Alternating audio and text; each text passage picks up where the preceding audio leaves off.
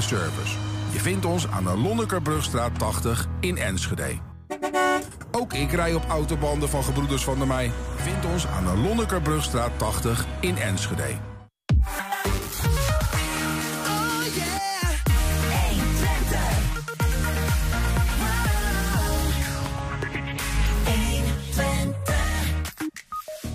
Gisteravond viel het nieuws als donderslag bij heldere hemel neer in de raadzaal. Het plan voor de bouw van het zwembad Aquadroom in Enschede is weggestemd... omdat er een aantal raadsleden op vakantie zijn.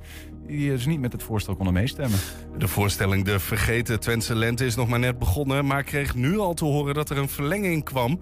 Speelster Julia Radulescu is bij ons om te vertellen over het succes... en haar persoonlijke relatie met deze opstand. De eerste fase voor Solar Team Twente in de aanloop naar World Solar Challenge in Australië deze zomer is afgesloten. Reden voor ons om terug te kijken naar die fase, maar ook een blik in het verdere verleden te werpen, want ze zijn 20 jaar. En een compilatie van Hengelo Spel van gisteravond en de column uit de pen van Robert van der Meulen. Het is dinsdag 16 mei. Dit is 120 vandaag. 120. 120 vandaag.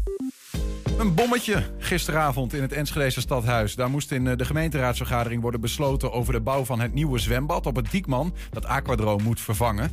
En dat besluit viel een andere kant op dan lang was verwacht. Maar het was om meer redenen een politiek gezien spetterende avond. Toch, Wilco? Ja, dat, dat klopt. Leuk. Die woordcursus is altijd leuk bij zwembaden. Hè? Dat kun je, dat kun je alle kanten mee op. Kun je echt alle kanten ja, mee. ja, nou ja, goed. Voor sommige mensen zal het zeker geen spetterende uitslag uh, zijn. Um, maar voordat we daar komen, toch even samenvatten. Waar ging het nou uh, over als we over het zwembad hebben?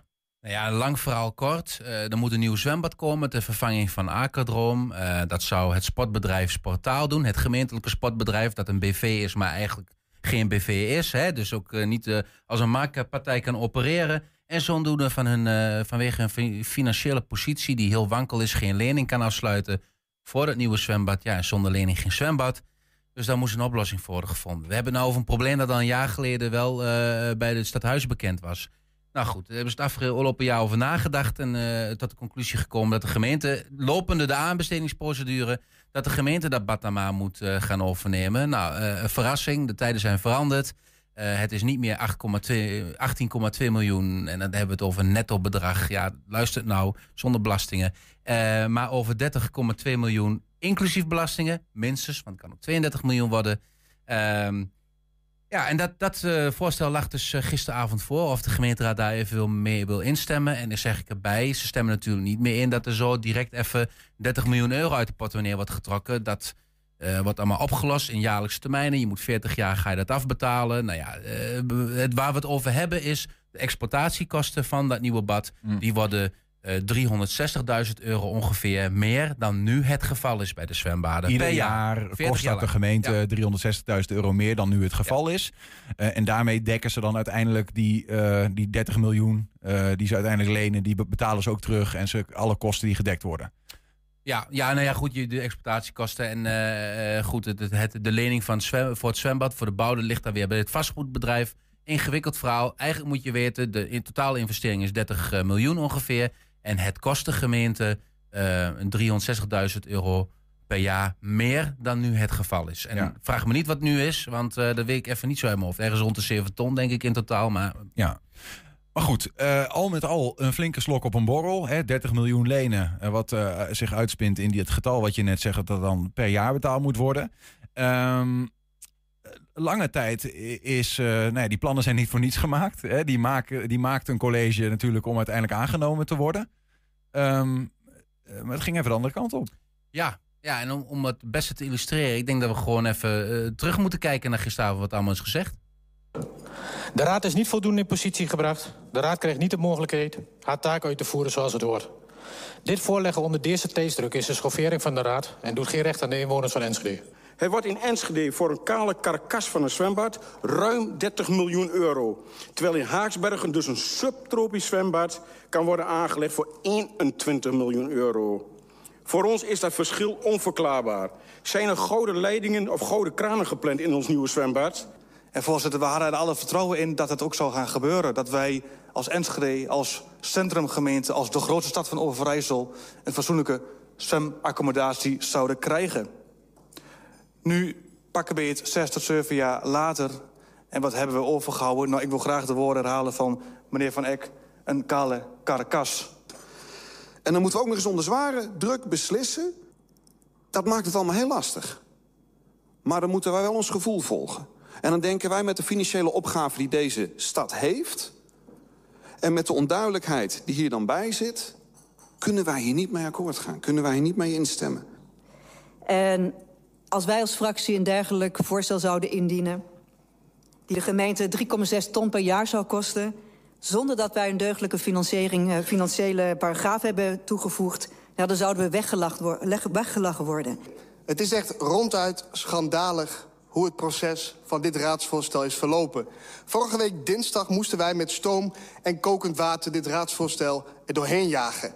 En dat, voorzitter, dat is echt ongepast voor een raadsvoorstel van 30,2 miljoen euro. Wij vinden dat echt onverantwoord. Wij moeten een integrale afweging kunnen maken tussen andere zaken die wij ook van maatschappelijke waarde vinden in deze stad. Ik noem de fiets, ik noem duurzaamheid, bijvoorbeeld kansengelijkheid, voordat wij met zo'n voorstel kunnen instemmen. Dank voorzitter. Ik, wij worstelen als ChristenUnie en ik worstel daar zelf ook mee. Natuurlijk is dit een fors bedrag en een forse verhoging. En ik ben ervan overtuigd dat als we dit voorstel niet aannemen dat deze stad zonder een fatsoenlijk zwembad komt te zitten. Na de toezegging van vorige week dat de kaartjes betaalbaar blijven... en onder de voorwaarde dat het zwemwater dat er komt eerlijk verdeeld wordt... onder les, doelgroep, sport en recreatief zwemmen... kunnen wij akkoord gaan met dit voorstel. Voorzitter, het is alsof je 1000 euro betaalt voor een telefoon... waar je alleen mee kan bellen en sms'en. Dat is wat dit zwembad is. Maar in alleen kritiek kan je niet zwemmen. Want wat zijn de alternatieven als we dit voorstel helemaal afwijzen? Geen zwembad is een alternatief. De hamvraag is ook of we kiezen voor het, nieuw, voor het nieuwe zwembad... en vooral of we bereid zijn hierin te investeren. Ook al valt de kostprijs van het nieuw te bouwen bad... hoger uit dan begroot in de planning van 2021. Daar zijn we uiteraard niet blij mee. Maar komt door externe factoren relatief uh, korte eh, bijdrage, maar wel krachtige bijdrage vanuit, vanuit uw raad. Dus dat het college hier zomaar even 300, nog wat duizend, 362 uit mijn hoofd, euro inschiet. Dat is niet fraai, zo hoort het niet, zo doen we hier het hier niet. En nou goed, een excuus gaat misschien te ver. Maar ik wil toch markeren dat het um, vanuit uw raad een zeer terecht punt is... en dat we dat ook ter harte nemen. Het voorstel is voor... Ja, misschien goed voordat we verder praten over die video. Uh, we hadden net even dat gesprek uh, over, de, over die kosten. Goed om dat uh, recht te zetten. Het is dus niet zo dat die, die 362 ja, 362.000 euro per jaar die de gemeente straks aan exploitatiekosten heeft, dat daar de kosten van het afbetalen van de lening per se bij in zitten. dat is weer een heel ander verhaal. Um, het vastgoedbedrijf gaat het zwembad uh, bouwen en die zou dus ook uh, uh, de afschrijving moeten doen. Maar goed, de hele exploitatie die zit in die 360.000 wel. En er zit natuurlijk wel een stukje ja hypotheek en uh, dergelijke. Maar dat, dat is wel een beetje iets te veel details. Nou ja, het precies, nee, maar het komt al met al op neer dat de gemeenteraad uh, wordt gevraagd om een grote investering te doen. 30 miljoen euro ruim te lenen. ook nog later met grote kostenpost per jaar te blijven zitten. Um, en ze hier, we horen ze hier eigenlijk één voor één zeggen: ja, we, we hebben eigenlijk te weinig onderbouwing van waar dat geld dan uiteindelijk vandaan moet komen. en, en, en de wethouder die excuses aanbiedt van ja, dat hij dat, dat, hij dat nu niet kan, kan zeggen.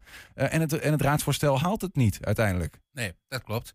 Ja, eh, dat, dat, dat, klopt inderdaad. Eh, die 360.000, je vraagt gewoon... Eigenlijk, eigenlijk is het een blanco cheque. He, je, je bent 360.000 euro meer kwijt dan je nu kwijt bent. Dus dat moet ergens vandaan komen. Nou, dan is de regel in de raad dat je he, als een... Uh, we hebben wel in het verleden voor mij Forum voor Democratie wel eens hondenbelasting willen afschaffen. En die komt dan met het voorstel, schaft de hondenbelasting af en zoek maar, uh, college, zoek maar een oplossing daarvoor, waar dat geld vandaan haalt hondenbelasting is uit mijn hoofd even 9 ton volgens mij in Enschede. Uh, dan moet je dus voor 9 ton, die moet je maar ergens vandaan halen. Nou ja, terecht denk ik dat zo'n college zegt van uh, ja, uh, verzin zelf even een, oplossing ervoor. Mooi dat je hondenbelasting wil afschaffen, maar kijk even waar je het vandaan haalt. Maar, komt er dan wel bij, als je als college dan een voorstel doet, dan mag je toch vanuit gaan dat het college er zelf over nadenkt waar ze dat geld vandaan halen. Nu leggen ze neer, ja, zoek over twee maanden wel uit bij de zomernota. Dat is een soort voorbereiding op de begroting, zeg maar, tussenstand van het jaar. Maar je kunt, het, je kunt beter zeggen, je kijkt in de begroting van de komende jaren hoe je dat gaat oplossen. Ja, eh, nou stemt de gemeente dat ergens mee in. En dan komt straks, eh, we gaan bezuinigen op, eh, nou ik zeg maar wat, op armoedebeleid. Zal niet gebeuren, maar op armoedebeleid. Ze dat weten niet waar ze het vandaan moeten Precies, halen. Ja. sta je met de rug tegen de muur. Ja. Want je hebt al ja gezegd tegen het bedrag. Ja. dit, dit- zo werkt het natuurlijk niet. M- Maar goed, nou is het zo, en daar zijn veel mensen natuurlijk, hebben daar wel wat gedachten bij, de- of dat zo moet of niet. In een democratie is over het algemeen, eh, de wethouder staat aan de kant van de coalitie, die, die levert de wethouder. Nou, die gaat van tevoren natuurlijk, voordat zo'n voorstel wordt ingediend, wel kijken, heb ik een meerderheid, hè, heb ik de coalitie in ieder geval eh, mee, zodat ik dat voorstel, voorstel gewoon er doorheen kan. Ja. Eh, dat gebeurt nu niet. Nee, wel, de, coalitie was mee. Ja, maar de, de- ze hebben geen meerderheid. Nee, nee, dat klopt. Dat komt omdat er drie mensen er niet zijn. En dat is, nou ja, vakantie. Ik heb begrepen, ze ook nog een huwelijksreis eh, zit erbij. Dat kan natuurlijk. Maar drie mensen zijn eh, op vakantie. Eh, eh, ja, ja de, de, de fractieleider zelf, Barry Overing was er niet. Danny van Wakeren raadslid en Ben Sanders. En alle drie van Burgerbelangen Enschede. En notabene de partij van, hè, Ja. dualisme moet je zeggen. Dus, maar goed, het is gewoon een partij van de wethouder Ja. Niels van den Berg. en dan zijn er drie van op vakantie, waardoor met een minimale meerderheid, ook Morgan Breat van Forum voor Democratie was er niet. Dus dan had je een verhouding 18-17 in het voordeel van de op- oppositie. Ja. Ja, dan weet je waar naartoe kan gaan. Nou, nou, nou zou je het kunnen betitelen als, als een blunder Ja. ehm, eh, van, de, van, van, van de coalitie. Ehm, aan de andere kant is het ook wel weer een mooi voorbeeld van. We hebben hier eerder gezeten met de formatie. Eh, deze coalitie heeft er bewust voor gekozen om een, een, een, een hele eh, krappe meerderheid te hebben. Nou, ja, dan gebeuren dit soort dingen. Ja, maar het is vooropgesteld, dus dit is, dat kan natuurlijk niet. Überhaupt, je moet je afvragen als je raadslid bent, kun je op vakantie eh, op het moment dat de raadsvergadering is. Is ook wel een beetje raar. Hè? Wij spreken dat hier op het werk ook gewoon met elkaar af. Eh, als wij op dit moment met z'n drieën weg zouden zijn, zou Frank, onze welgewaardeerde stagiaire, zou hier helemaal in zijn eentje die show moeten gaan runnen. Dat kan natuurlijk ook niet. Nee. Nou, hoewel, misschien ook wel. Doet hij het wel beter dan wij. nou ja, maar het, het- het- dat is inderdaad wel. Nee, maar dat kan niet. En, en ik heb Ja. dus begrepen, er is gewoon een vakantieplanning bij burgerbelangen.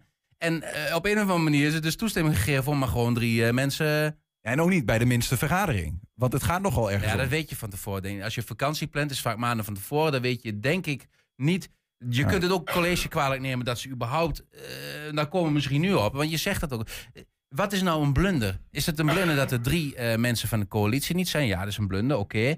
Maar of is het een blunder dat je als college het durft, aandurft om dit voorstel van 30 miljoen ongedekt, die 360.000 euro, ongedekt eh durft voor te stellen aan de raad? Is dat niet gewoon de blunder? Hè? Dat die drie raadsleden niet zijn? Ja, dat kan. Maar ehm, w- w- wat denk je? Als je Ja, want als ze het wel hadden gehaald, stel die drie raadsleden waren er wel geweest, hadden ze een, een krappe meerderheid, maar Ja. was de rest eigenlijk allemaal tegen geweest. Nou, was ja, precies. En, en dan Als- is de als- vraag, zijn die mensen die meestemmen in de coalitie, zijn die het er eigenlijk wel mee eens of Nou, klappen ze mee omdat het een coalitie Het gaat nou heel veel over het ontbreken van die drie mensen. Maar als die er nou wel waren, dan was dit er gewoon doorgegaan zoals het altijd gaat. Coalitie stemt toch wel mee, eh, ondanks eh, alle kritiek die er eh, mogen zijn. Eh, is het dan een succes? Is het dan een mooi voorstel? Is het dan een goed voorstel? Ik vraag me af, we hebben er dus de hele oppositie tegen geweest. Ja, en ja. je noemde net al, het is de keuze geweest van deze coalitie voor afgaand aan deze periode. Ja, we, we wilden een minimale meerderheid. Nou, je weet, ik ben zelf een groot voorstander was ik geweest voor een, een, een- minderheidscoalitie. Maar dan krijg je nog meer dat spel dat je gewoon elke keer naar die meerderheid moet gaan zoeken. Als je wil het vertrouwen winnen van, van, de, van de inwoners, als je wil dat die eh, oppositie-coalitieverhouding dat die, eh, minder wordt, dat die vervaagt. Want daar ging het hier om. Hè. We moeten niet meer tegenover elkaar staan, we moeten het samen doen. Ja, dan, dan is het wel heel erg naïef om te denken van we, we rammen een voorstel doorheen. Waarvan al maanden duidelijk was dat het echt anders ging worden dan, dan, dat het, dan die 18 miljoen die werd gezegd.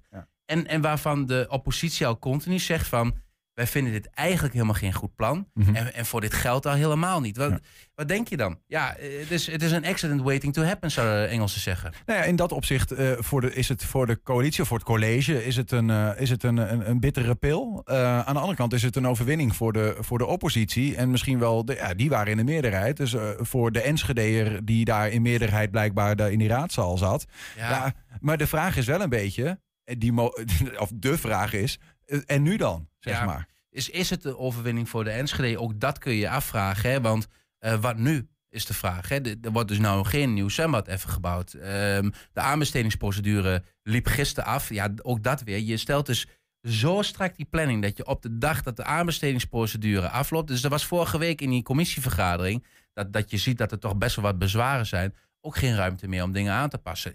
Aan de andere kant vraag ik me af, als ik in de, in de coalitie had gezeten, was ik al lang naar een van de oppositiepartijen gegaan, of meerdere van, wat verwachten jullie van ons? Hoe kunnen we toch die dekking krijgen voor dit voorstel? Of komt die dekking er überhaupt niet? Want dan kunnen we beter nu uh, gaan stoppen. Maar goed, je legt dus op de dag dat de aanbesteding afloopt, onder voorbehoud van een goedkeuring van de gemeenteraad, Hmm. leg je dit voorstel neer. Dus met andere woorden, als de gemeenteraad niet instemt, is die aanbesteding weg. Dat is dus ook zo. Ehm, en nu moet er dus een nieuwe aanbesteding worden gedaan. Maar voor hetzelfde zwembad, dan krijg je weer hetzelfde gedoe. Eh, dus er zal iets anders moeten gebeuren. Maar wat dan? Ja. Eh, dan moet je weer met de raad gaan, moet je weer plannen gaan maken, moet je weer tekeningen gaan maken. Of ehm, Ja. wat betekent dit met Akerdrom? Want dat is een keer eh, klaar.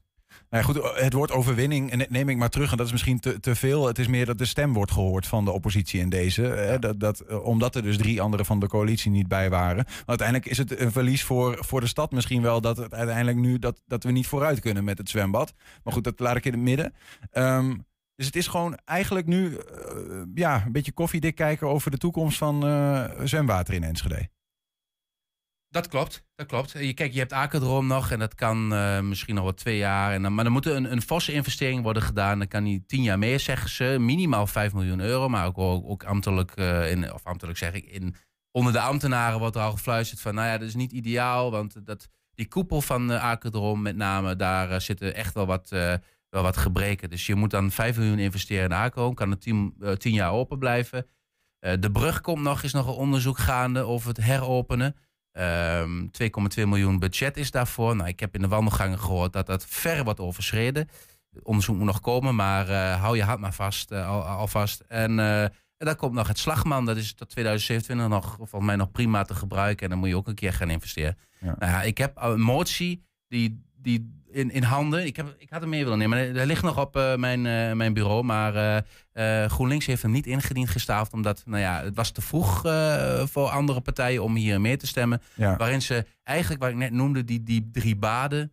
Ga nou eens kijken de komende jaren hoe je daarmee vooruit kan. door gebruik te maken van die drie baden. En ja, misschien is over een paar jaar de bouwkosten zijn een stuk lager. En, ja, overigens, glazen bollenwerk. Er is ook nog een motie van afkeuring ingediend gisteravond naar aanleiding van het alles. Bijna vergeten, maar uh, PVV heeft een motie ingediend. Die zag de kans natuurlijk schoon met de oppositie in de meerderheid. Die is ook aangenomen, die motie. Motie van afkeuring wil eigenlijk zeggen... dat is de één na zwaarste middel om het beleid van een uh, college af te keuren. Uh, van, nou ja, dus een flinke tik over de vingers. Ze hoeven niet af te treden... Maar ze moeten met een reactie komen daarop. En uh, die hoop ik uh, straks nog te krijgen. Maar die, dat deed uh, de wethouder in principe ook al een beetje, toch? Ja. Die ging ook al een beetje van, van ja, dit is, niet, dit is niet zoals het hoort eigenlijk. Ja, maar de, de raad wil een stukje meer zelfreflectie zien. Okay. hoe dit nou mis kon gaan. Um, ja, er waren nog andere ja. dingen, Wilco. Ja. Misschien om het heel kort nog even aan te stippen. Er gebeurt nogal wat in die raadzaal. We gaan even kijken. Moment. We gaan kijken wat er gebeurde. ja.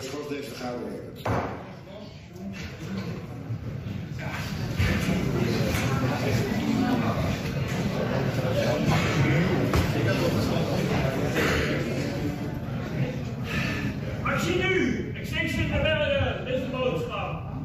Dit is voor het klimaat. Met Enschede, zet hem op. De beste boodschap. Sterkte. Goedenavond. Het is, ja, ik moet er toch telkens een beetje om lachen. Omdat het natuurlijk een actie is om, om echt een daad te stellen. Maar dat hij dan eindigt met Goedenavond. het is wel weer heel vriendelijk. Maar dit is een meneer van beetje, Extinction Rebellion. Ja, dat is een beetje slapstick. Je ziet de borden die probeert nog... Uh, te behoeden dat dit gebeurt. Uh, Harold Busjes van de PVV, een steunfractielid, zie je nog uh, proberen mee te helpen. het mocht nou wel niet baten. De ballonnen bleven een tijdje hangen. Het gebeurde in het uh, debat over de zoeklocaties voor windturbines. Um, nou ja, de gemeente wil onder druk van de provincie toch onder voorbehoud van allerlei afstandsnormen die nog gaan komen, zoeklocaties aanbieden. Nou, Extinction Rebellion vindt dat alles niet snel genoeg gaat.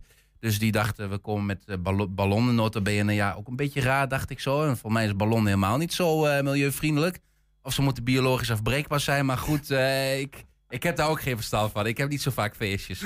um, dus uh, um, in ieder geval, dat, dat voorstel is aangenomen. Die windmolens, die zoeklocaties zijn onder voorbehoud aangewezen. Maar ik zou zeggen, omwille van de tijd... kijk, hou de website van 120 in de gaten... en dan komen we hier nog wel even op terug. Dankjewel, Wilco. Zometeen de voorstelling De Vergeten Twentse Lente is me nog maar net begonnen. Maar kregen nu al te horen dat er een verlenging kwam. 120. 120 vandaag. Ja, in de mei-editie van de talkshow Hengelo Spel gaat het deze maand over het regionaal warmtenet Twente. Het piepjonge Hengeloos stadslied gezongen door het stokoude Koninklijk Hengeloos Mannenkoor. En over de Hengeloze Watertoren die een nieuwe bestemming krijgt. Luister en kijk alvast naar een voorproefje van deze aflevering. Goedenavond, welkom bij Hengelo Spel. De Hengeloze gemeenteraad ging uh, vorige maand akkoord met het uh, zogeheten warmteprogramma. Daarin staat uh, welke alternatieven per wijk er zijn voor aardgas... en ook wanneer, op welke termijn die alternatieven ongeveer aan bod gaan komen. Een van de alternatieven is het warmtenet, niet de minste, wordt een vrij groot spektakel. Afvalverwerker Twens, die gaat de warmte leveren, dat doet hij al jaren... maar dit wordt wel een groter verhaal. Een warmtenet, dat is een, een buizenstelsel onder ja. de grond waar uh, water doorheen gaat... dat jullie met jullie afvalverwerking, afvalverbranding eigenlijk weer warm maken, toch? Ja, ik, ik, maak heel vaak de vergelijking met een uh, cv-ketel die je thuis hebt. Hè? Dan heb je een warmtebron, dat is een cv-ketel. En leidingen die gaan naar radiatoren. Mm -hmm. ja, je moet eigenlijk Twente zien als een hele grote cv-ketel.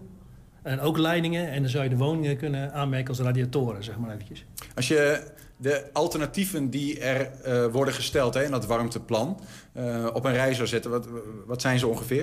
Ja, het zijn er eigenlijk drie. Dat is uh, warmtenet, dat is all-electric, volledig elektrisch, bijvoorbeeld met warmtepompen, en duurzaam gas.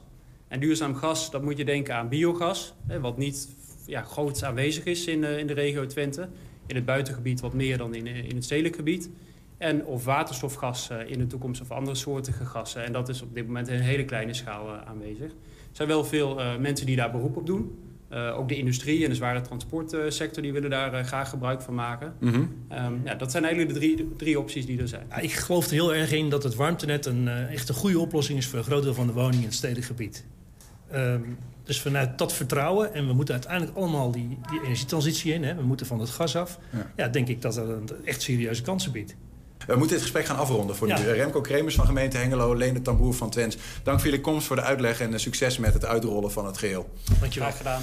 Uh, blijf nog heel even zitten. Straks aan tafel Paul de Wit. Hij is voorzitter van het Koninklijk Hengeloze Mannenkoor. En ook met hem uh, Wouter Munsterman hier aan tafel. Wouter Munsterman schreef een lied voor dat koor. Hij is ook repetitor. Hij schreef het Hengeloos Stadslied. En uh, zoals dat klinkt, dat gaat u nu horen, want wij waren bij een repetitie.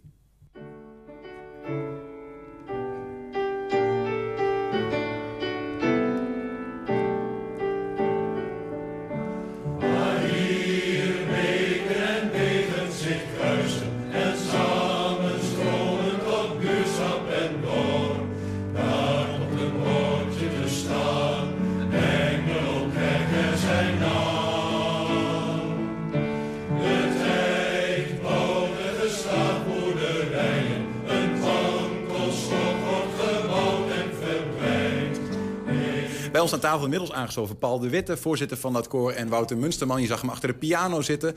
Hij is repetitor van het koor, maar ook uh, stadsdichter van Hengelo, schreef dit lied. Uh, hoe is dit nou tot stand gekomen? Waarom had, had Hengelo uh, een stadslied nodig? Of hoe... Ik weet niet wie ik moet aankijken, wie, wie er is begonnen. Wouter kwam er mee bij ons. En dan ga je in overleg met het bestuur van... lijkt ons dat leuk, een stadslied... En dan uh, uh, bemoeit zich daar uiteraard Jacco Campus, onze dirigent, ook mee. En uh, we hebben gezegd, het lijkt ons leuk. Dus Wouter, ga je gang. Het koor heeft een hele mooie klank. En het, wat ik zelf altijd heel mooi vind, wat mij geïnspireerd heeft... om dan zoiets te schrijven voor hun... is dat die mannen zo mooi zingen vanuit hun, hun, hun, hun ziel en hun doel. Ze willen gewoon iets heel moois neerzetten. Gewoon bij elk lied wordt dan weer een mooi moment. Hoe is het om zo'n zo lied te zingen? Ja, prachtig. En de bommen uh, vernielden het centrum. Of kwamen op het centrum terecht. Er staan dingen in die echt gebeurd zijn. En ja, dat, dat maakt het toch mooi. Uh, jaren voorzag uh, de Hengeloze watertoren Hengelo en omgeving van drinkwater. Hij werd 1897 opgeleverd en heeft tot 2003 uh, dienst gedaan voor het Hengeloze gemeentelijk waterbedrijf. Nu krijgt de toren een nieuwe rol. Er komt een bed and bike in. Martin van Schaik, de laatste keer dat ik een watertoren kocht was... een tijdje terug. Tijdje ja. terug. Je hebt dat gedaan. Ja, Het, is- het is geweldig. Het is, ik, moet zeggen, ik, ik kan het af en toe nog steeds niet geloven. Ik denk van, heb ik een watertoren? Ja, die watertoren is van mij. Een, een, een bed and bike gaat het nu worden. Dus het is wel een, eh, een eh, shift in de geschiedenis van, eh, van de watertoren wat dat betreft. Wat, wat moet me daarbij voorstellen? Gaan mensen in die watertoren slapen? Dat is de bedoeling, ja. We zitten natuurlijk langs de, de fietssnelweg, dus vandaar de bike. We hopen natuurlijk dat mensen eh, lekker op de fiets eh, naar de watertoren komen. Eh, we beginnen nu met drie kamers. Daar komt van de winter komt er nog een vierde bij. We hebben eventueel plannen voor de vijfde en de zesde, maar dat is in de kop van de toren. En dat is nou, een stuk ingewikkelder om, om te realiseren. Daarnaast hebben we ook in ons plan bij de gemeente hebben we afgesproken dat we het zoveel mogelijk open willen houden. Dus het wordt ook een- een parkachtige omgeving. En we zijn ook plannen aan het maken om er een, eh, een trouwlocatie van te maken. Je vader, eh, Martin eh, Strengers, die eh, werkte er decennia lang als beheerder. Wat Ja, deed chef. hij eigenlijk? Ja, dat heette destijds chef-machinist. Chef. Ja, chef-machinist was dat. Of ja, machine, of machinist, zo heette dat eigenlijk. Ja. Wat hij deed, dat, ja, dat kende we als kind ook. We liepen daar zelf heel mee. veel. Ja. Ja, we liepen daar heel veel. Ook bij hem, want het werk was aan huis. Maar je mocht daar ook gewoon in die toren wel komen. Het is niet zo van, hè, de, Ja. hygiëne, maar ik weet het niet, hè? Nee, nee, oh nee. Wat dat betreft, eh, het publiek en zo werd natuurlijk op afstand gehouden. Eh, maar wij mochten daar zelf wel als kind komen. Dat was wel allemaal wel dicht, maar ik had met Martin van der Week ook nog een leuk... eh, ik kwam even kijken hoe ver ze met, de bouw zijn. En toen gingen we naar boven. En ik dacht, nou, dan wil ik wel een keer weer op de Warentoren. Maar mijn vader had zelf hoogtevrees. En dat is die wel echt ingepeperd. Hij heeft de hoogtevrees bij Ja, jullie. Nou ja, een beetje. Kom wel. hier niet. Want, ja, want, want bovenin de toren. Nou goed, jij loopt eh, heel simpel over alle laddertjes Mm. heen en dergelijke. Maar ik loop er nog steeds, eh, terwijl ik niet per se hoogtevrees heb. Maar ik loop er nog steeds zo angstig overheen. Dat ik denk, oh god, als er maar niets gebeurt. Ja, de gele uitzending van Hengelo Spel is komende donderdag om 10 uur te zien bij 120. Zometeen de eerste fase voor het Solar Team Tent is afgesloten. Reden genoeg voor ons om terug te kijken naar die fase, maar ook een blik in het verleden te werpen. En zo ook als podcast te vinden. En door. 120. 120 vandaag. Vorige week werd bekend dat de vergeten Twentse lente met zes uitvoeringen wordt verlengd. Julia Radulescu, zeg ik dat goed? Is al ruim eh, Zeker. twee weken te bewonderen in het muzikale theaterspektakel over de april-meistaking van 1943. De 23-jarige Hengeloze is bij ons om eh, te praten over dat succes en over haar persoonlijke relatie met die opstand toen. Zeker. Eh, welkom.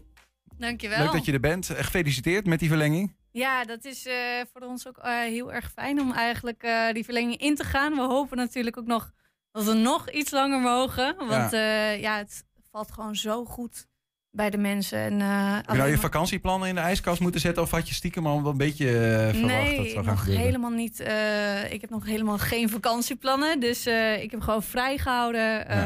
Want dat is ook ons gewoon gevraagd eigenlijk. eh. Ja, ja. Ja, nou, dat is natuurlijk altijd wel een beetje zo achter de schermen zo'n ding van, nou ja, mogelijk komt er wel wat bij, dus hè, Ja. houd het maar in de gaten. Maar ja, als het dan gebeurt is het altijd mooi. En eh, ja, nu op naar eh, soldaat van oranje-achtige omstandigheden, of niet? Nou, natuurlijk is er op een gegeven moment wel een maximaal aan eh, wat we mogen verlenging natuurlijk. Omdat we op vliegveld Twente zitten. En eh, De- de- dan moet het ook ooit voor iets anders worden gebruikt. ja, zeker. Omdat het evenementenlocatie is. eh, Ja. Dus we hebben wel een max aan wat we mogen verlengen. Dat zeker. Wat, wat, wat hoor jij over de voorstelling? Eh, ik heb alleen maar goede reacties eigenlijk gehoord van het publiek. Ze zijn heel erg geëmotioneerd door het verhaal. Eh, ook een aantal mensen gesproken die ook dit ook nog hebben meegemaakt. Eh, laatst toevallig een man die zei van... ik weet nog het moment dat de bekendmagoen... Dat, eh, dat aan de muren hing in, eh, bij de fabrieken. En hij vond dat echt... Hij was heel geëmotioneerd omdat we dit verhaal eigenlijk naar buiten brengen. Je hebt het nu over bekendmaking dat eh, er militairen mogelijk in krijgsgevangenschap Ja, zouden dat moeten. ze in eh, g- eh, krijgsgevangenschap moesten en dat ze dus ook naar het Roergebied moesten om daar te werken. Ja. Ja. Ehm, misschien kun je heel kort proberen uit te leggen eh, eh, wat, jullie, wat voor jullie voor verhaal hebben gemaakt. Hè? Want misschien weet, kent niet iedereen de april-mei-staking überhaupt en hoe jullie daar een twist aan hebben gegeven. Ja, wat wij eigenlijk hebben gedaan, het, is, eh, het gaat eigenlijk over een dorp. Die krijgt een 50 miljoen ehm, van een vrouw die ondergedoken heeft gezeten in het dorp. Een Joods meisje, Willemien Roos de Beer. En wat er eigenlijk op dat moment is, we hebben dus een dorp van 2023. En in één keer komen er allemaal verhalen van wie heeft nou recht op die 50 miljoen. Dus dat moet de burgemeester Fenna de Lange gaan verdelen. En eh, dat wordt gespeeld door Johanna de Stegen. En op een gegeven moment zeggen mensen: ja, maar mijn opa is gefuseerd, mijn vader is gefuseerd ehm, in 1943. Dus daar eigenlijk dat dat een link heeft met de april-mei-staking. Mhm. En gaan we eigenlijk ook wel terugblikken naar wat er momenteel in 2023 ook wel aan de hand is. Oké, dus probeert die twee wel te koppelen. Ja, zeker. Want, eh, dat is goed om, om heel even kort te, benoemen. Hè. Die 1943, dat, was, dat noemde men een, een staking, een soort, soort opstand van, van werknemers. Die begon bij Stork in Hengelo. Ja.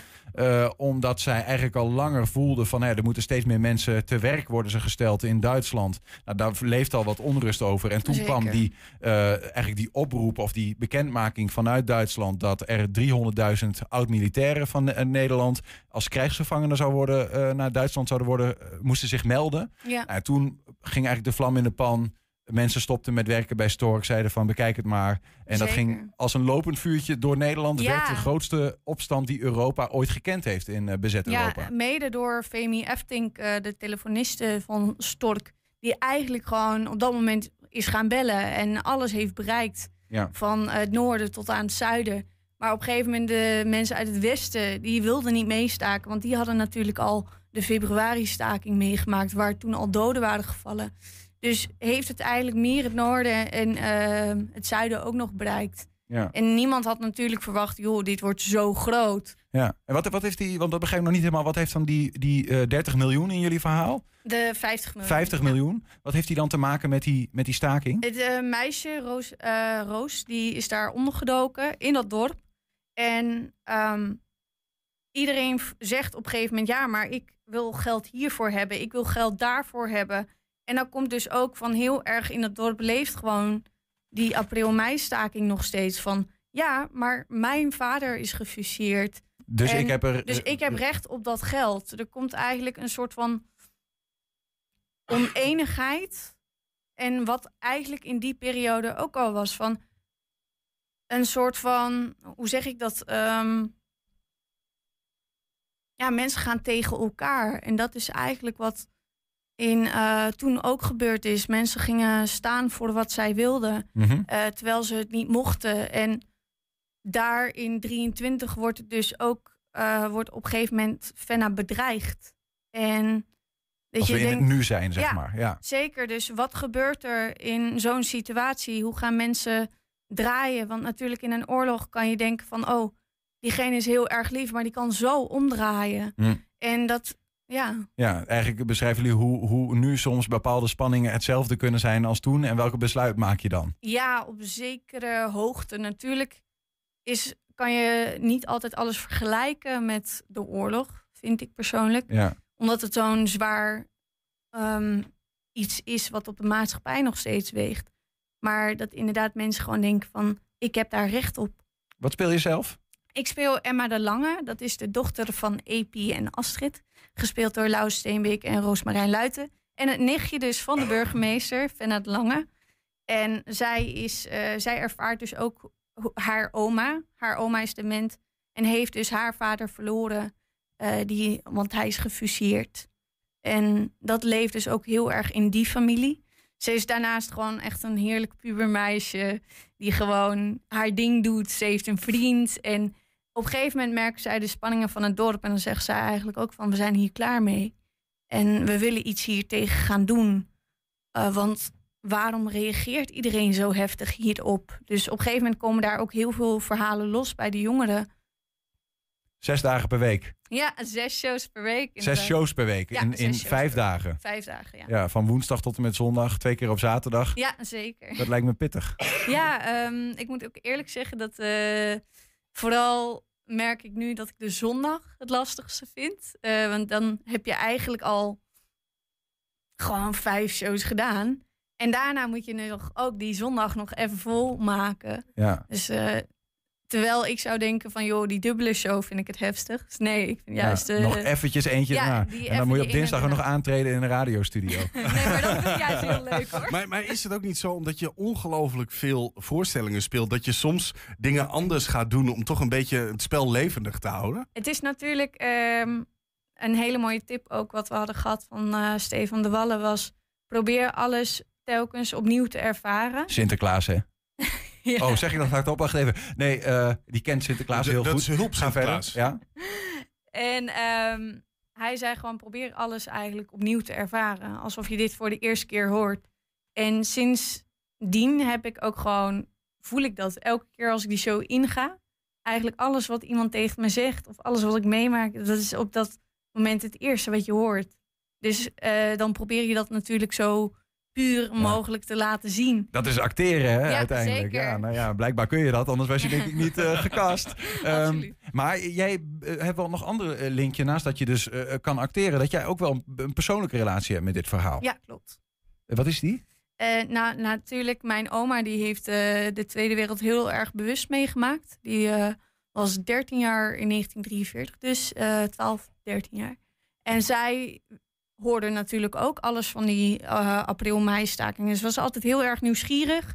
En ehm, eigenlijk vanaf het moment dat ik haar vertelde dat ik hier aan mee ging doen, begon zij te vertellen. En zijn er nog meer verhalen ook in mijn familie nog opgekomen. En vrij recentelijk dat dus een oud-oom van mij is opgepakt tijdens de razzia's en uiteindelijk uit de auto is gesprongen. Ja, Ja, dat is ook wel wat. Dan Ja, moet je wel eh balls of steel hebben, lijkt mij. zeg dat wel. Ja, want hij is op een gegeven moment toen vanuit Gelderland eh, teruggelopen helemaal naar waar hij woont. Eh, waarom werd hij opgepakt? Heb jij een achtergrond met Joodse roots? Of? Nee, dat helemaal niet. Maar er was dus een razzia omtrent de mannen die dus moesten werken in Duitsland. En dat waren dus ook razzia's dat die Ja, jongens zou te ook werk worden gesteld. Ja, Ja, zeker. Dus heel veel jongens gingen echt onderduiken. En waaronder dus een oud-oom van mijn opa's kant, eh, zijn broer. En, maar ook de oom van mijn oma die ondergedoken heeft gezeten. Omdat hij niet eh, te werk gesteld wilde worden. En daar kwamen uiteindelijk die razzia's voor. Vertel eens het verhaal van de Hooiberg. Ja, dat was dus ehm, de oom van mijn opa, eh, oma. Ja. En ehm, het was namelijk, zij waren toen op dat moment bij familie. En hij wilde natuurlijk gewoon niet. Hij eh, duikte onder, want eh, op dat moment waren de Duitsers op zoek naar jongens. Zij is in een hooiberg gaan zitten en hij had hele kleine kinderen. En die zeiden dus eh, tegen die Duitsers: Ja, je gaat mijn vader toch niet vinden, die zit verstopt in de hooiberg. Maar gelukkig konden zij waarschijnlijk geen Nederlands verstaan. Anders Oei, was het misschien heel anders afgelopen.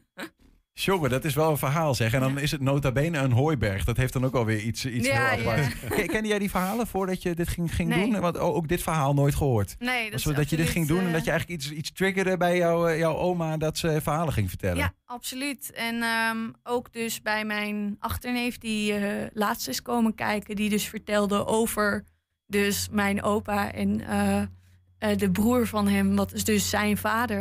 Dat je echt denkt, wow, in Ja. één keer ligt die connectie veel dichterbij dan je denkt. Gebruik je dit soort dingen in je, ja, in je spel op een of andere manier? Dit soort kennis? Ja, ik heb altijd het moment eh, dat echt de eerste scène van 1943 zich afspeelt, ben ik achter. Eh, want in die scènes ben ik niet te zien.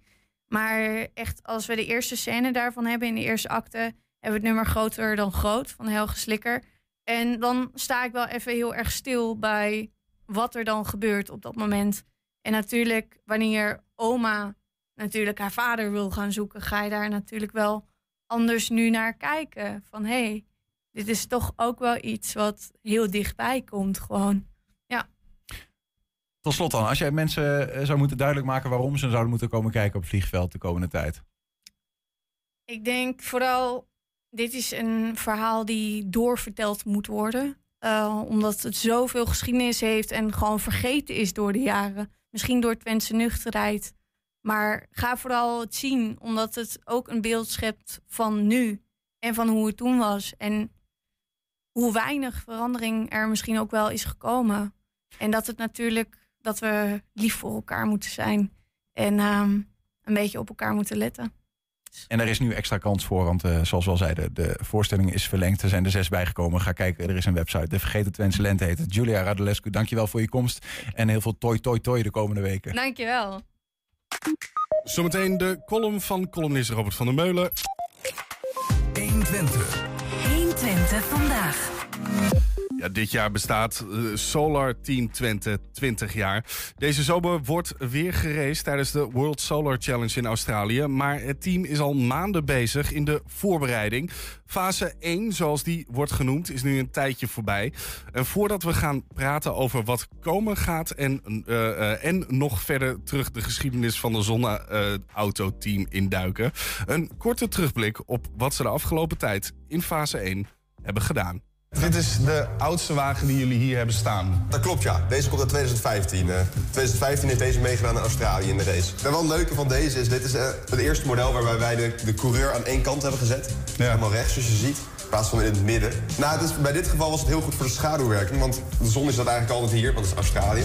En dan werkt de, de coureurs waar die zit, werkt geen schaduw op het paneel. Ja. je eigenlijk meer, meer zonneopbrengst hebt. Ja, we zijn nu inderdaad op de Technology Base Twente, de, de testlocatie hier. En we gaan eh, onze eerste testen uitvoeren van de mechanische mock-up. Nou, hier testen we eigenlijk het hele mechanisch systeem op. Heel belangrijk natuurlijk in de auto. Ja. En vandaag gaat het voor de allereerste keer eh, het vliegveld in, het, het, eh, de baan op. Ja, in principe, we testen, wat vandaag echt het teken staat, is remmen testen. Eh, dat is natuurlijk het belangrijkste, want zonder remmen is het niet veilig. Dus we gaan gewoon steeds de snelheid opbouwen, steeds remmen, kijken of die op tijd remt. Ehm, en als dat allemaal goed gaat en het systeem houdt het helemaal, dan zijn we heel tevreden. Ja, heel leuk. De eerste testdag. Dus Ja? ja, ja lang op moeten wachten. Maar de echte auto die rijdt rond de 100 km per uur. Alleen nu voor de eerste testdag gaan we het eh, iets rustiger aandoen. Eh remtest dan eh, ja, kom je aanrijden en dan ga je op een bepaalde, eh, bepaalde snelheid. Eh, en dan ga je remmen en dan kijken of je binnen de, de, de afstand waarin je moet stoppen volgens de, de reglementen... eh, kijken of dat eh, goed gaat.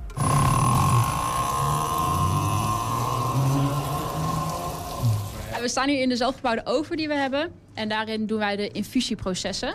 En daarbij maken wij onze eigen mallen die we straks gaan gebruiken voor het produceren van de, van de auto. Op dit formaat heb je ze niet zo weer staan. Eh, het zijn in principe gewoon houten platen waarbij we insulatiefolie hebben gebruikt. En dan met een paar heaters erin heeft onze eh data-acquisist een programmaatje geschreven dat we deze op eh, temperatuur kunnen krijgen. Wat er nu in de oven staat is de bovenkant van de auto. We zijn nu bezig met een vacuümpakket maken. En als het pakket vacuüm is, dan gaan we er epoxy doorheen trekken. En dan heet dat infuseren. Dat is het proces dus dat we epoxy mengen en dan er doorheen trekken. En dan, dan komt het in de carbon.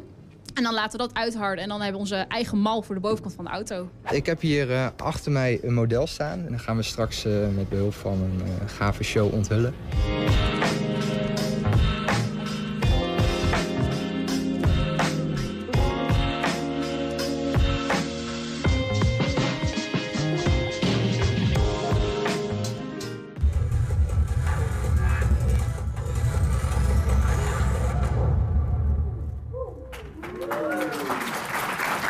Kleine terugblik op afgelopen tijd in de studio inmiddels aangeschoven. Toch wel leuke. Broers Mark en Koen Boulogne. Hi. Welkom. Eh, eh, wat leuk. Koen, jij bent oud-lid van het Solar-team. Ja, klopt. En eh, Mark, jij zit er nu in. Ja, dat is heel goed. Dus dat is wel interessant. We gaan eens terugkijken naar jouw tijd, maar ook kijken naar wat er nu allemaal gebeurt. En ik vroeg me in de eerste instantie af, is dat eerder voorgekomen, twee broers die elkaar afwisselen, bij wijze van? Ja, toevallig was het in mijn editie ook al het geval. Er Oh was ja. eh, toen toevallig ook de stratege, alleen dan eh, met de mechanicus. Dus het is eh, zeker niet uitzonderlijk dat we elkaar eh, inspireren om eh, inderdaad het project te gaan doen. Ja. Wat is het zo gegaan? Had jij zoiets van, eh, eh, was zulke, zulke goede verhalen, ik ga meedoen? of had je het anders ook wel gedaan? Ja, nou toch wel eigenlijk. Eh, ik wist dat ik sowieso wel een studententeam wou doen. Ehm, maar zeker toen ik alle coole verha- verhalen hoorde van mijn broer, dacht ik, dat moet ik eigenlijk ook wel gaan doen. Eh, het is ook wel grappig, er zit nog iemand in ons team. Eh, en eh, haar zus deed ook mee in Koens editie. En die doet nu ook weer mee met ons. Oh ja, oké. Dus het, is, het is, gebeurt vaker, eh, dat soort vaker. familiebanden. eh. Hey, even voor de duidelijkheid, Koen, wat voor een functie had jij bij het team? Ik heb eh, aerodynamica gedaan. Dat is in de eerste helft van de editie eigenlijk. En daarna ben ik bij het, het technisch team betrokken geweest bij het bouwen en het testen en het, ja, het race klaarmaken van de auto. Ja, dus echt wel op het technische vlak. Ja, ja, ja. Mark, jij ook? Eh, nou, ik doe de strategie. Dus dat eigenlijk eh, tijdens de race bepaal ik eh, hoe hard we het best kunnen gaan rijden. Om zo efficiënt mogelijk, daarom zo snel mogelijk over de finish te komen. En in het jaar daarvoor bereid ik me daarop voor door allemaal verschillende dingen te doen. Zoals bijvoorbeeld de auto te testen en de eigenschappen ervan in kaart te brengen. Jij bent meer een rekenaar dus. Ik ben iets meer een rekenaar. Ja, precies. Waar jij meer in het bouwen eh, waarschijnlijk zou zitten. Of zie ik dat niet goed? Als de eerste helft van mijn jaar heb ik alleen maar gerekend en gesimuleerd. Ja. En daarna mocht ik de geweldige switch maken van inderdaad bouwen. En dat vond ik super leuk, want dan heb je ineens twee verschillende facetten die je mag eh, gaan bedienen.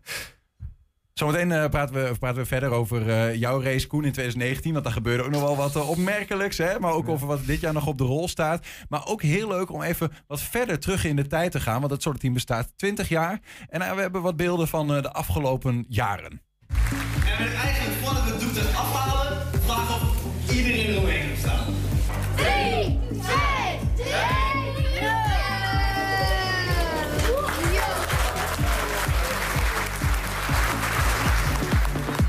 is eh, zondagochtend eh, 6 oktober, het is half zeven 's ochtends. En we staan hier aan de start van de Bridgestone World Solar Challenge 2013. Eh, ik mag straks de eerste etappe rijden en ik heb er hartstikke veel zin in.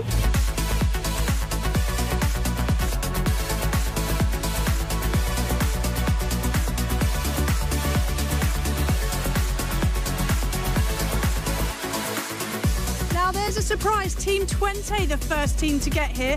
321 kilometres from Darwin and about four and a quarter hours. They've done very well. They started on fourth, of course, this morning. Let's go and find out how the first leg of their journey went. Ook schijnt stil te staan langs de weg. Dus die hebben zich eh, helemaal kapot gereden om Belfort bij te halen. Wat overigens niet gelukt is.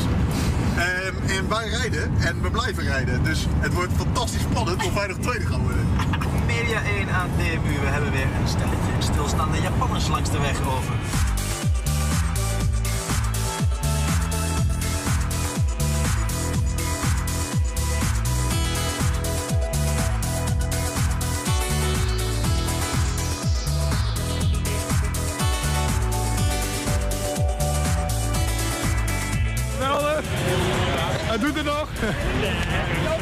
En het derde. Hoppa. Ja, cool. Het is koud hier.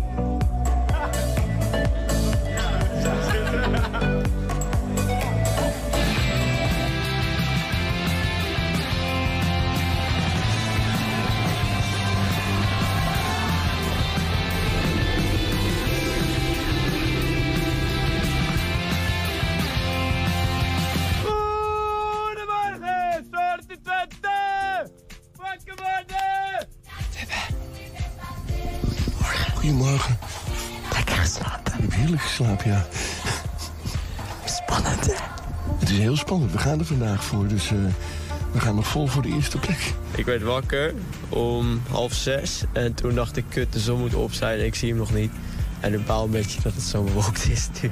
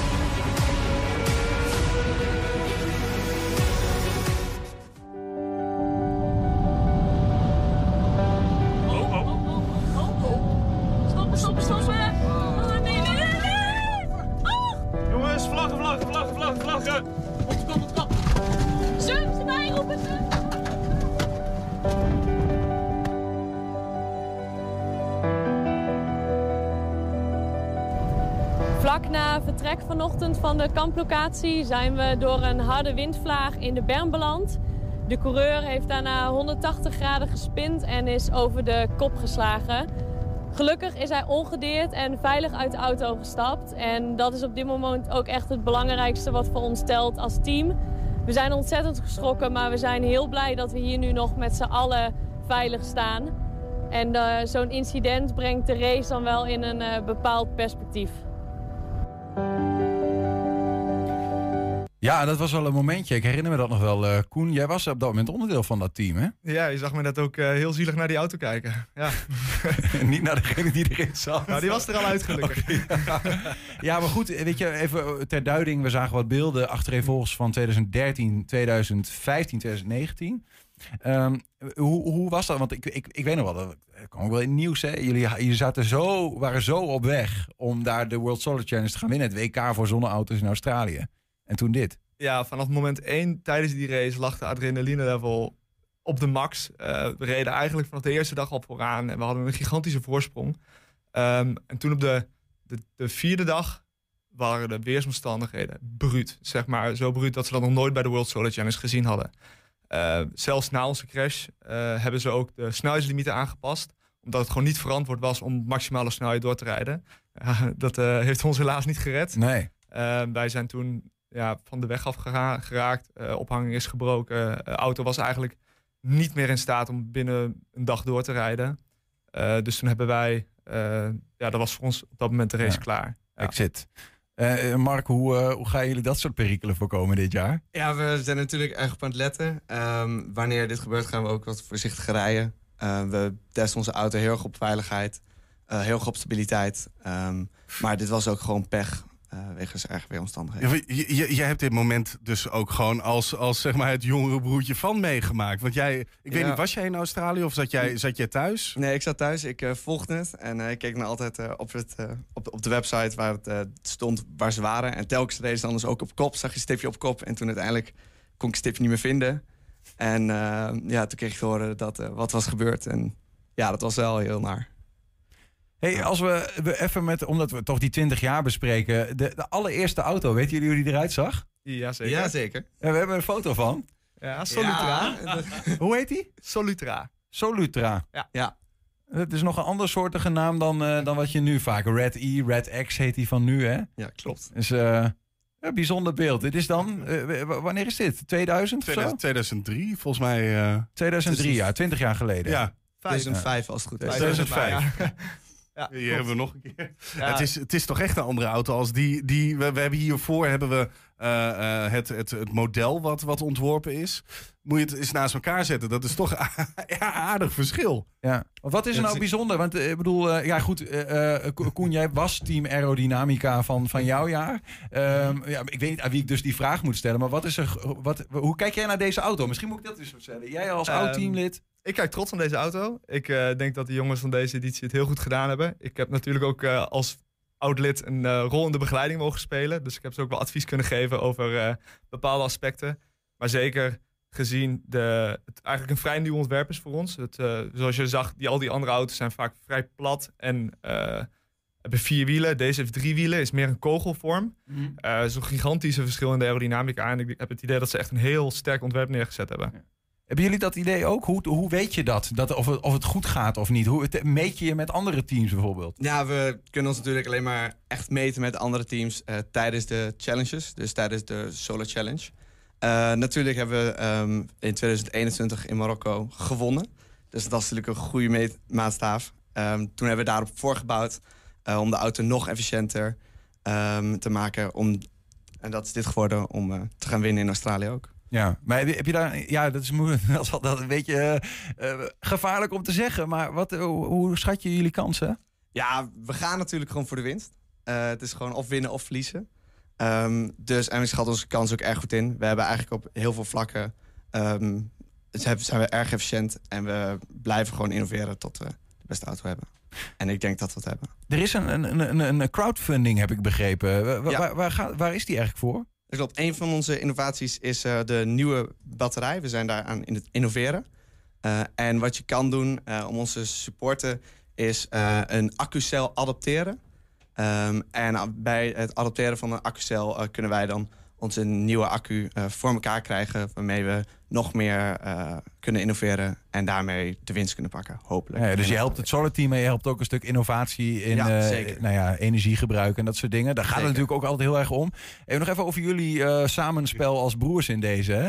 Heb je het nou thuis, of ik weet niet of jullie bij elkaar in een huis wonen, maar als je ergens gezamenlijk Mhm. bent, hoe vaak heb je het erover? Best wel veel. Heel erg veel. Ehm, Je bent gewoon fulltime bezig met het project. Dus je kan ook bijna alleen maar praten erover. Praten jullie ook in Solar Team taal tegen jullie ouders? Ja, bijna wel. Het is natuurlijk wel dat, eh, omdat ik mijn, ook mijn editie ook gedaan heb. Ik ken alle insights en outs. Dus als Mark één woord zegt over iets specifieks, bijvoorbeeld de accu, dan weet ik precies alles wat er omheen speelt. Ja. Ja. ja, dan is het soms inderdaad voor de buitenstaanders niet te Je, volgen. je, je, je zei voor de uitzending, dus toch grappig om even... als je langs checkpoint 13 komt, dan Ja, moet ja. je even aan me denken. Mijlpaal 13. Ja. Dat is, Mijlpaal eh, 13. bij PD. eh, ik- dat bordje is er helaas niet meer, want die hebben we meegenomen naar Nederland. Ehm, dat is eh, waar wij inderdaad eh, van de weg geraakt zijn. Dus dan moet je even aan ons denken als je daar Ja. als eerste langs heen Als je er voorbij bent, even een klein gilletje. Ja, hè? precies, even toeteren. Ja. Wat gaat er nou, Mark, allemaal concreet nog vanaf nu tot aan de zomer, augustus? Wanneer gaan jullie eigenlijk weg? Waar Ja, gaat we het gaan begin september gaan we naar Australië toe. Ja. Dan gaan we daar de voorbereiding doen. En dan in oktober is de race. En, en, en wat is de eerste, het eerste hoogtepunt dat eraan komt? Eh, dat is de autopresentatie. Eh onze auto is De echte, niet het model, De maar... echte. ja, een- eh, dit was de design review inderdaad. Laten we zien hoe onze auto eruit gaat zien. En bij de autopresentatie, dan is de auto af, dan is die rijdend. Dan laten we hem zien. En dan bespreken we alle technische innovaties die we dit jaar hebben gemaakt. Als Mark wel wint, hè, Koen? Ja. Tot slot dan. Wat, eh, wat overheerst er dan bij jou? Eh, wat voor gevoel? Yes, hè? eindelijk, weet je. We hebben laten zien dat we het kunnen. Eh, alleen maar blijdschap. Ook vorig jaar toen eh, Team 21 vond, ik, ik, ja, ik was bij vrijdagmiddagborrel van mijn werk, ik was super blij en niemand snapte waarom. Maar geen streepje jaloezie. Nee, nee, helemaal niet. Nul. Ja, het is gewoon één grote solar-familie, dus je doet het samen. Ik gun jullie eh, van harte en met Twente ook wel gewoon. Ja, Come on, dus weet je wel. Dit is de echte. Dat we gewoon dit jaar de tiende auto, dat we hem pakken daar in Australië. Yes. Veel plezier daarmee, eh, Mark. Veel plezier met volgen van een afstand. Of ben je er, ga je het stiekem nog mee? Eh, nee, ik van de afstand. Van een afstand. Dank jullie hier bij ons waren. En nou ja, veel, veel succes. Dankjewel. Dankjewel. Heb je een tip voor de redactie? Mail het dan eventjes naar redactie.120.nl. Of wil je liever ons telefonisch spreken? Dat kan natuurlijk ook. Dat kan via 053 432 7527. En ik zal hem nog even één keer herhalen. Dat is 053 432 7527. 120. 120 vandaag. Het is, eh, het is, het is- je petje weer niet. Ben je hem weer kwijt, eh, Robert? Oh, zijn zomerpetje.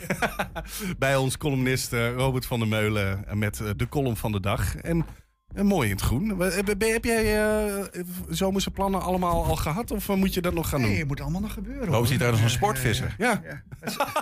Je ziet eruit als een sportvisser. Als een- Ja, ja. Vis je wel eens? Ik snap het. Nee, nooit. Nee, ook nee. Ja, achter het net. Achter het net. Ja. Ja. Start nog even de laptop, eh, pak die erbij, waar Ja, de column op staat. Hoor je nou mijn dingen gelaten? Dat weet ik niet. Ik weet, wat zoek je? Kunnen we meezoeken?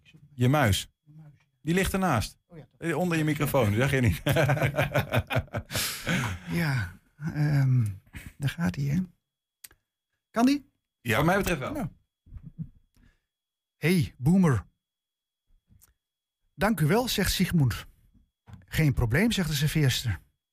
Geen probleem, dat hoor je steeds vaker en het slaat nergens op. Na mijn dank u wel hoort u te zeggen. Graag gedaan, zegt Sigmund. Oké, geen probleem, zegt de serveerster. Vorige week stond bovenaan stond bovenstaand generatiekloof bevestigd een dialoogje tussen Sigmund en een jonge serveerster die hem een kopje koffie bracht, in vier stripkaders opgetekend in de Volkskrant. Voor de Tubantia-lezers, Sigmund gaat over de belevenissen van een nogal onconventionele psychiater. Deze dagelijkse cartoon wordt gemaakt door de immer geniale Peter de Wit. Ik moest hardop lachen, want, dat, dat dialoogje kutste woed. Het hitste de nail on the head. De anglicering van onze taal, dat letterlijk vertalen van Engelse uitdrukkingen naar het Nederlands, of erger, die schaamteloos gemak, gemakzuchtige inzet van Engelse leenwoorden is al jaren een feit en het groeit exponentieel. Het is een ontwikkeling die niet te stoppen lijkt en die door sommige mensen van pak een beet boven de 40 als hemeltergend lelijk ervaren worden. Je kan geen reclameuiting in een bushokje, etalage of op een bedrijfsbusje meer vinden die in het Nederlands is opgesteld. En zelfs bij mijn bakker, met die oer-Hollandse achternaam, wordt niet langer om personeel gevraagd, maar crewgewanterd, zag ik. Tja, ook ik ben inmiddels net iets boven de 40 en ook vind ik vind het een jammerlijke, lelijke en rampzalige ontwikkeling voor onze eigen taal. Nog eventjes en jij en ik kwekken in elke winkel of restaurant of waar dan ook alleen nog maar in dat rare nep-Engels, boemer ik van van achter mijn krant. Ik laat er het Sigmund-stripje lezen en oreer. Puur taar-imperialisme, dat is het. We moeten ten strijde, anders is het gedaan met ons lieve Nederlands. En dan kan ik wel stoppen met stukjes schrijven, want die worden niet meer begrepen. En stukjes schrijven in het Engels, dat kan ik niet. Ach joh, reageert ze, je slaat weer eens op hol. Zo'n vaart loopt het niet. Onze voertaal in Nederland is nog altijd Nederlands en dat blijft nog wel een poosje zo. Maar goed, wat vinden wij Nederlanders hier nu van? Van die verengelsing dus. Daar was ik best benieuwd naar. Dus legde ik de krant terzijde en googelde ik die vraag. Googelen, jawel. Ik ben nu ook weer niet lid van de taal-Taliban. Sommige leenwoorden moet je gewoon omarmen. Een woord dat zijn oorsprong kent in een andere taal kan gewoon vriendelijk en zacht landen in onze eigen taal. De Fransen hebben ooit een Frans woord voor computer verzonnen. De ordinateur. Schitterend woord. Maar toch vond ik het wat aanstellerig. En voor datzelfde ding bestond in het Nederlands eventjes het totaal mislukte alternatief rekenaar. Dat dat mislukt is, vind ik niet spijtig. E-mail noem ik ook uh, e-mail en niet e-post. Mijn criterium is dat als iets nieuws is, uh, is en afkomstig is uit de Anglo-Saxische wereld, zoals een airbag, dan noem ik het een, geen luchtkussen, maar gebruik ik liever het Engelse woord. Hoewel ik de suggestie ooit ook Kees van Koten om het woord selfie te vervangen voor autofoto dan weer geniaal vond. Nee, ik ben zeker geen taalpurist. Hoewel iedere taalpurist dat van zichzelf zal zeggen. Dat dan wel weer. Wel nu, uit het Google-antwoord blijkt dat wij Nederlanders voor het overgrote deel not amused zijn met de verengelsing van onze taal. En toch gebeurt dat volop. Right before your eyes, mind you. Hoe kan dat dan? Dat is awkward, toch? Tot voor kort viel deze ontwikkeling bij ons in Twente nog mee. Maar inmiddels laten wij tukkers ons even effectief door de aanglisten van onze moerstaal beroven als in de westelijke contraien van ons landje al decennia lang in een moordend tempo aan de orde is. Zelfs in het stadion van onze eigenste FCT, Walker We Never Alone, zijn we proud om een tukker to be in en hangt er een spandoek waarop te lezen valt dat zelfs de Friese, Veense, dat zelfs de Friese Venen proud gemaakt wensen te worden door onze gladiatoren. Herman Vinkers had het jaren geleden al over deze malligheid en stelde een spandoek voor in die andere grote taal, waarop dan te lezen zou zijn dat hij stolz is aan tukkert zou zijn. Kijk, dan wordt het weer lollig, zeg nu zelf. Onlangs was ik voor mijn werk op een school. Ik moest eventjes op mijn afspraak wachten en sloeg een brochure open die voor mij op tafel lag. Ik las wervende woorden aangaande het door, de opleidings, het, door het opleidingsinstituut op aangeboden opleidingenpalet. Allemaal ambachten met fraaie Engelse namen. Niks timmerman of loodgieter. Maar wel kon je er fijn leisure en hospitality studeren. Ik had nog nooit van een dergelijke opleiding gehoord en vroeg me uh, af wat je wel niet bent wanneer je na vier jaar met je diploma op zak gaat solliciteren. Na 2,5 pagina gelezen te hebben kwam ik erachter dat leisure en hospitality zoiets betekent als vrije tijdsbesteding en gasvrijheid. Wat je dan vier jaar bent, wist ik er nog niet, maar goed, de windrichting werd me iets duidelijker in het Nederlands. De hele brochure stond trouwens bol van het polderengels. Ook het onuitroeibare, jolig bedoelde jeukwoord kids, populair Engels woord voor kinderen, stond er om de vier zinnen te lezen. Alsof het Nederlands origineel van het woord met die twee extra lettergrepen te moeilijk voor ons is geworden.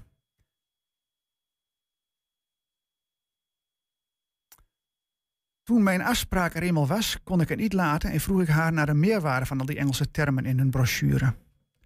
Iedereen gebruikt tegenwoordig veel Engels. En onze kids zijn ook gewend aan Engels. Dat hebben ze vanaf een vroegste jeugd meegekregen door televisie en internet. En omdat wij hen willen bereiken, gebruiken wij ook veel Engels. In het Engels kom je gewoon sneller to the point. Het is een niet te stop ontwikkeling en onze doelgroep vraagt erom. Wij doen ons werk om kinderen iets te leren, maar dat lukt alleen, as we speak, wanneer je de taal van de kinderen spreekt, luidde haar antwoord. Zo werkt het dus, dacht ik. Wij denken dat onze kinderen ons veel beter zullen begrijpen in het Engels.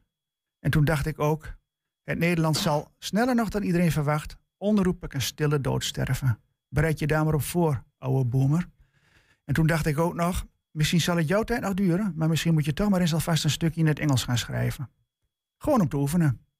Hoeft niet meteen af te zijn hoor. Gewoon eens kijken wat wordt. Give it a try for God's sake. Maar ja, ik zie daar tegenop. Ik heb daar weinig fiducie in. Er zal dus wel weinig van terechtkomen. Ik ben nu eenmaal beter gebekt in mijn moerstaal. Daar is geen woord Spaans bij.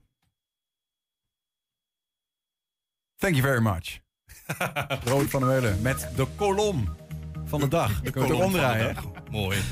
Eh, om 8 en 10 zijn wij op televisie te zien. Kun je de hele uitzending nog een keer terugkijken. Mocht je op de radio luisteren, kun je zometeen gaan genieten van de ketreactie. Veel plezier en tot morgen. Chain reaction. 120. Weet wat er speelt In Twente. Met nu het nieuws van 5 uur.